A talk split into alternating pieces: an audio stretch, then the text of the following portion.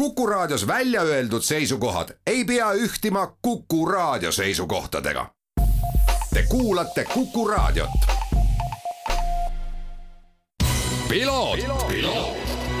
ralli uudiste parima kvaliteedi tagavad Osmo õlivahad.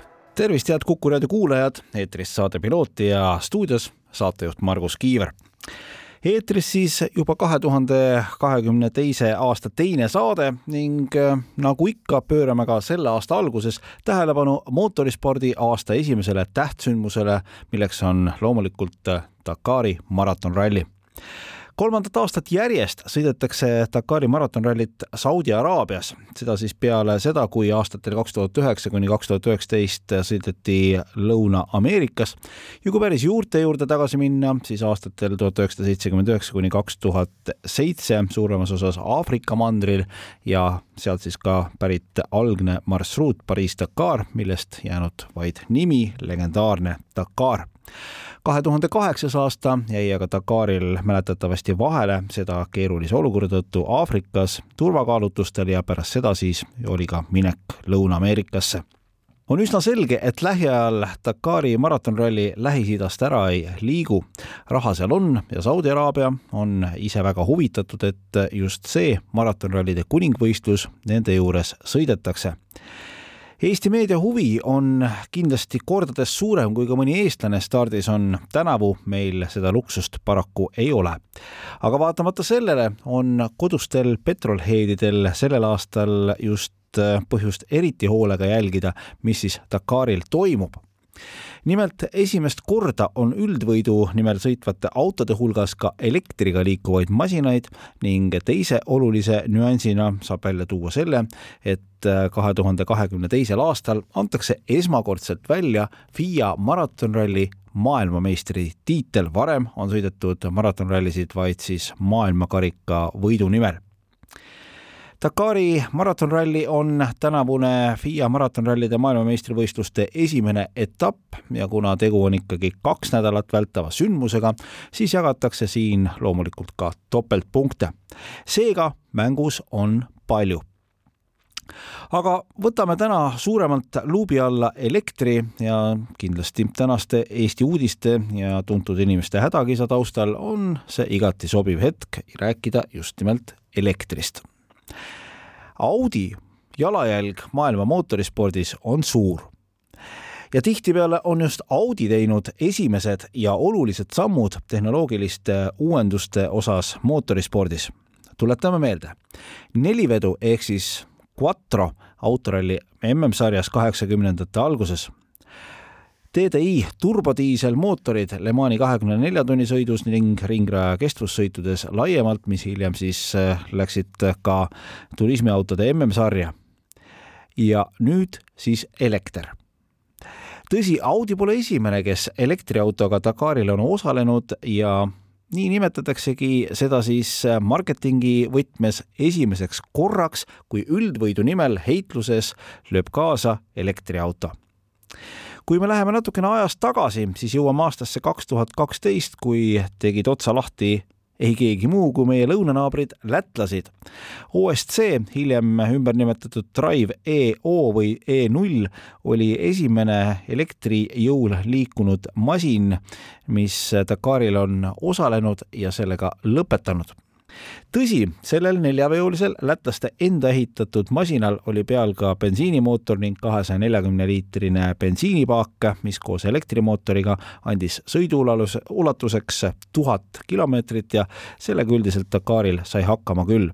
aga tihtipeale võis tõdeda, et lätlaste sõit sellel võistlusel oli võidusõidust kaugel, tihtipeale oli tegu pigem kannatamisega ning ajaloo annuaalidesse saamisega, et just ralli lõpetada ning sellega liigseid riske ka siis loomulikult välditi aastal kaks tuhat seitseteist sai Asiona sada protsenti EcoPowered nimelisest autost esimene masin maailmas, mis lõpetas Dakari maratonralli nullemissiooniga. just nii siis sellest kirjutatakse ja ega täpsemalt öeldud ei ole. aga selge on see, et loomulikult ka siin oli mängus elekter, aga see tulemus ei tulnud lihtsalt, selleks äh, ebaõnnestusid loomulikult äh, varem kahe eelmise aasta katsetused aastatel kaks tuhat viisteist ja kuusteist ja kaks tuhat seitseteist, siis saadi nii-öelda silm kirja ja masin finišisse. ja nagu siis mainitud, loomulikult ei lätlaste ega, ega ka hispaanlaste poolt ehitatud masinad polnud sees kõrges mängus kui tuleme tagasi neljarõngaja Audi juurde, siis äh, selle Saksa autotootja eesmärk ei ole enam Dakari lihtsalt läbi sõita. Nende eesmärk on tulevikus kindlasti ka Dakar võita kahe tuhande kahekümnendal aastal käima lükatud projekt, mis sai hoo üles just aasta lõpupoole, on andnud siis Audile terve kahe tuhande kahekümne esimese aasta jagu tõsist tööd ning tulemus on käes. kahe tuhande kahekümne teise aasta esimestel päevadel olid kolm neljaveolist Audi RS6 e-tron prototüüpmasinat Saudi Araabias Jeddahis stardis. kuna Dakari võistluspäevad on pikad, kusagil seitsesada pluss kilomeetri kandis, siis oli selge, et ka Audi ei saa hakkama ainult elektrimootoriga.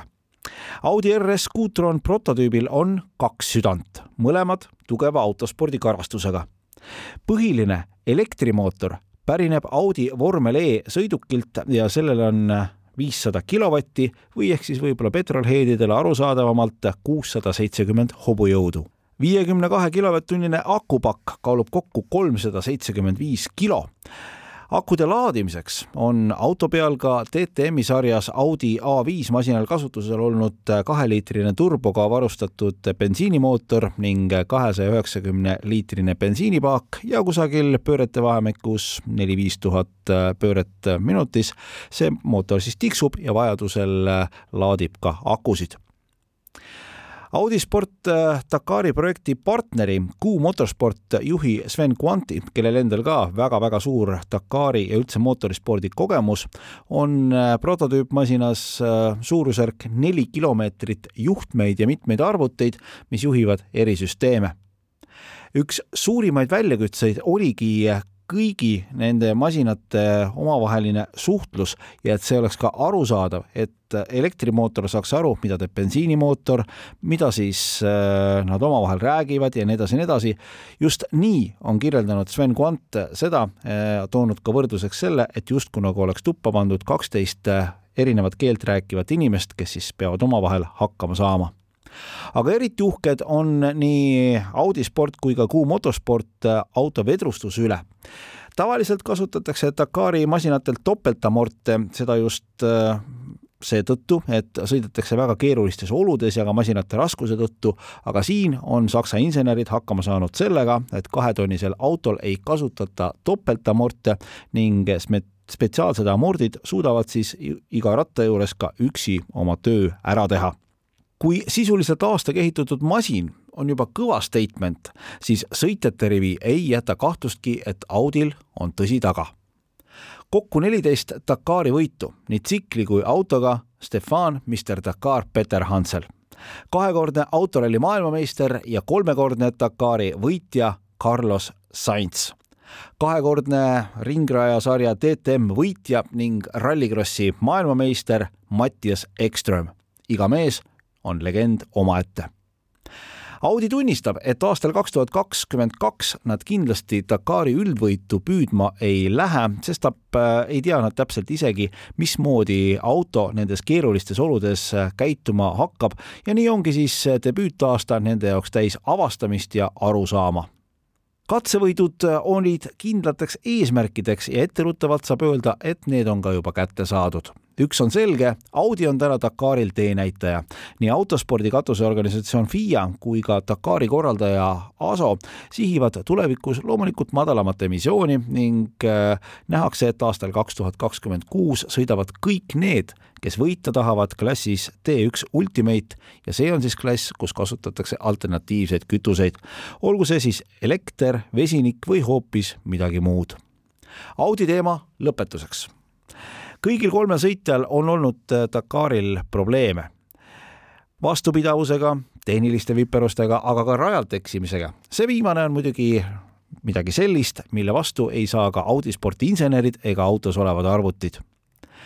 aga täna, kui sõidetud on kaheksa kiiruskatset ja nendel hetkedel, kui piloot eetris käimas juba üheksas katse, on kõik kolm Audit rivis ja tulemused tulevad. kolmandal katsel tõi Carlos Sainz Audile esimese katsevõidu, Peter Hansel kolmas esmaspäeval, kaheksandal katsel sai võidu kätte Ekström ja Peter Hansel kindlustas Audile kaksikvõidu. Stefan Peter Hansel on isegi liikunud katsevõidu tempos, kuid korra andis ta suht kindla katsevõidu käest, kui jäi katsel seisma ja aitas tehnikaga hädas olnud äh, tiimikaaslast Carlos Sainzi seda kõike rääkides ja kuulates võib jääda mulje, et Audi tulek Dakarile on justkui jumala kingitus. eks ongi, aga ka siin on asju, mis võib-olla ei meeldi Audi kui tehase tulek Dakarile tähendab, et nende eelarve on kindlasti selgelt suurem ja elektriautoga edukas olemine on kindlasti positiivne reklaam nende üha laienevale elektrimudeli valikule tavaautode hulgas see võib mingil hetkel aga panna käega lööma lähimaid konkurente, kellest osad on küll tehase toega, aga ikkagi mingil moel erameeskonnad. Audi kõrvale Dakarile on vaja vähemalt veel kahte tootjat, kes tulevad välja elektrimudelitega. Ja lisaks ei maksa unustada, et Audi on liikunud sarjast sarja, leidmaks taas uusi ja huvitavaid väljundeid, kus oma uusi tehnoloogiaid testida ja arendada. WRC, DTM, pikamaasarjad ehk siis äh, kestvussõitude maailmameistrivõistlused, vormel E. Seega on alati suurte tehaste liitumisel oma selged ohukohad, aga seni, kuni neid veel pole, nautigem toimuvat. lõpetuseks loomulikult ka tulemustest. autode arvestuses käib lahing praegusel hetkel kahe mehe vahel. Nasser Al-Attiyah on pärast kaheksat kiiruskatset autode arvestuse liider. Toyota Gazoo Racing Hiluxiga sõitva kolmekordse Dakari edu on üheksakordse autoralli maailmameistri Sebastian Loebi ees kolmkümmend kaheksa minutit, mis loomulikult Dakari mõistes pole midagi kindlat. ProDrive'i meeskonna poolt ette valmistatud masinaga lööb on andnud Allah, Allah Tiiahile edu ära ning samas jälle ka tagasi võtnud, rehve lõhkunud ja siis jälle hästi sõitnud. kahe viimase katsega on näiteks lööb äh, Nasser Al-Attiyahil tagasi võtnud kümme minutit. kolmandal kohal on Dakari enda mees Yazed Al-Raichi, kellel on kaotust lööbile veerand tundi tsiklite arvestuses seis pisut põnevam. Sam Sunderlandi edu Mattias Walkneri ees on kolm minutit ja nelikümmend viis sekundit ja kolmandal kohal olev Adrian Van Beveren kaotab liidrile neli minutit nelikümmend kolm sekundit.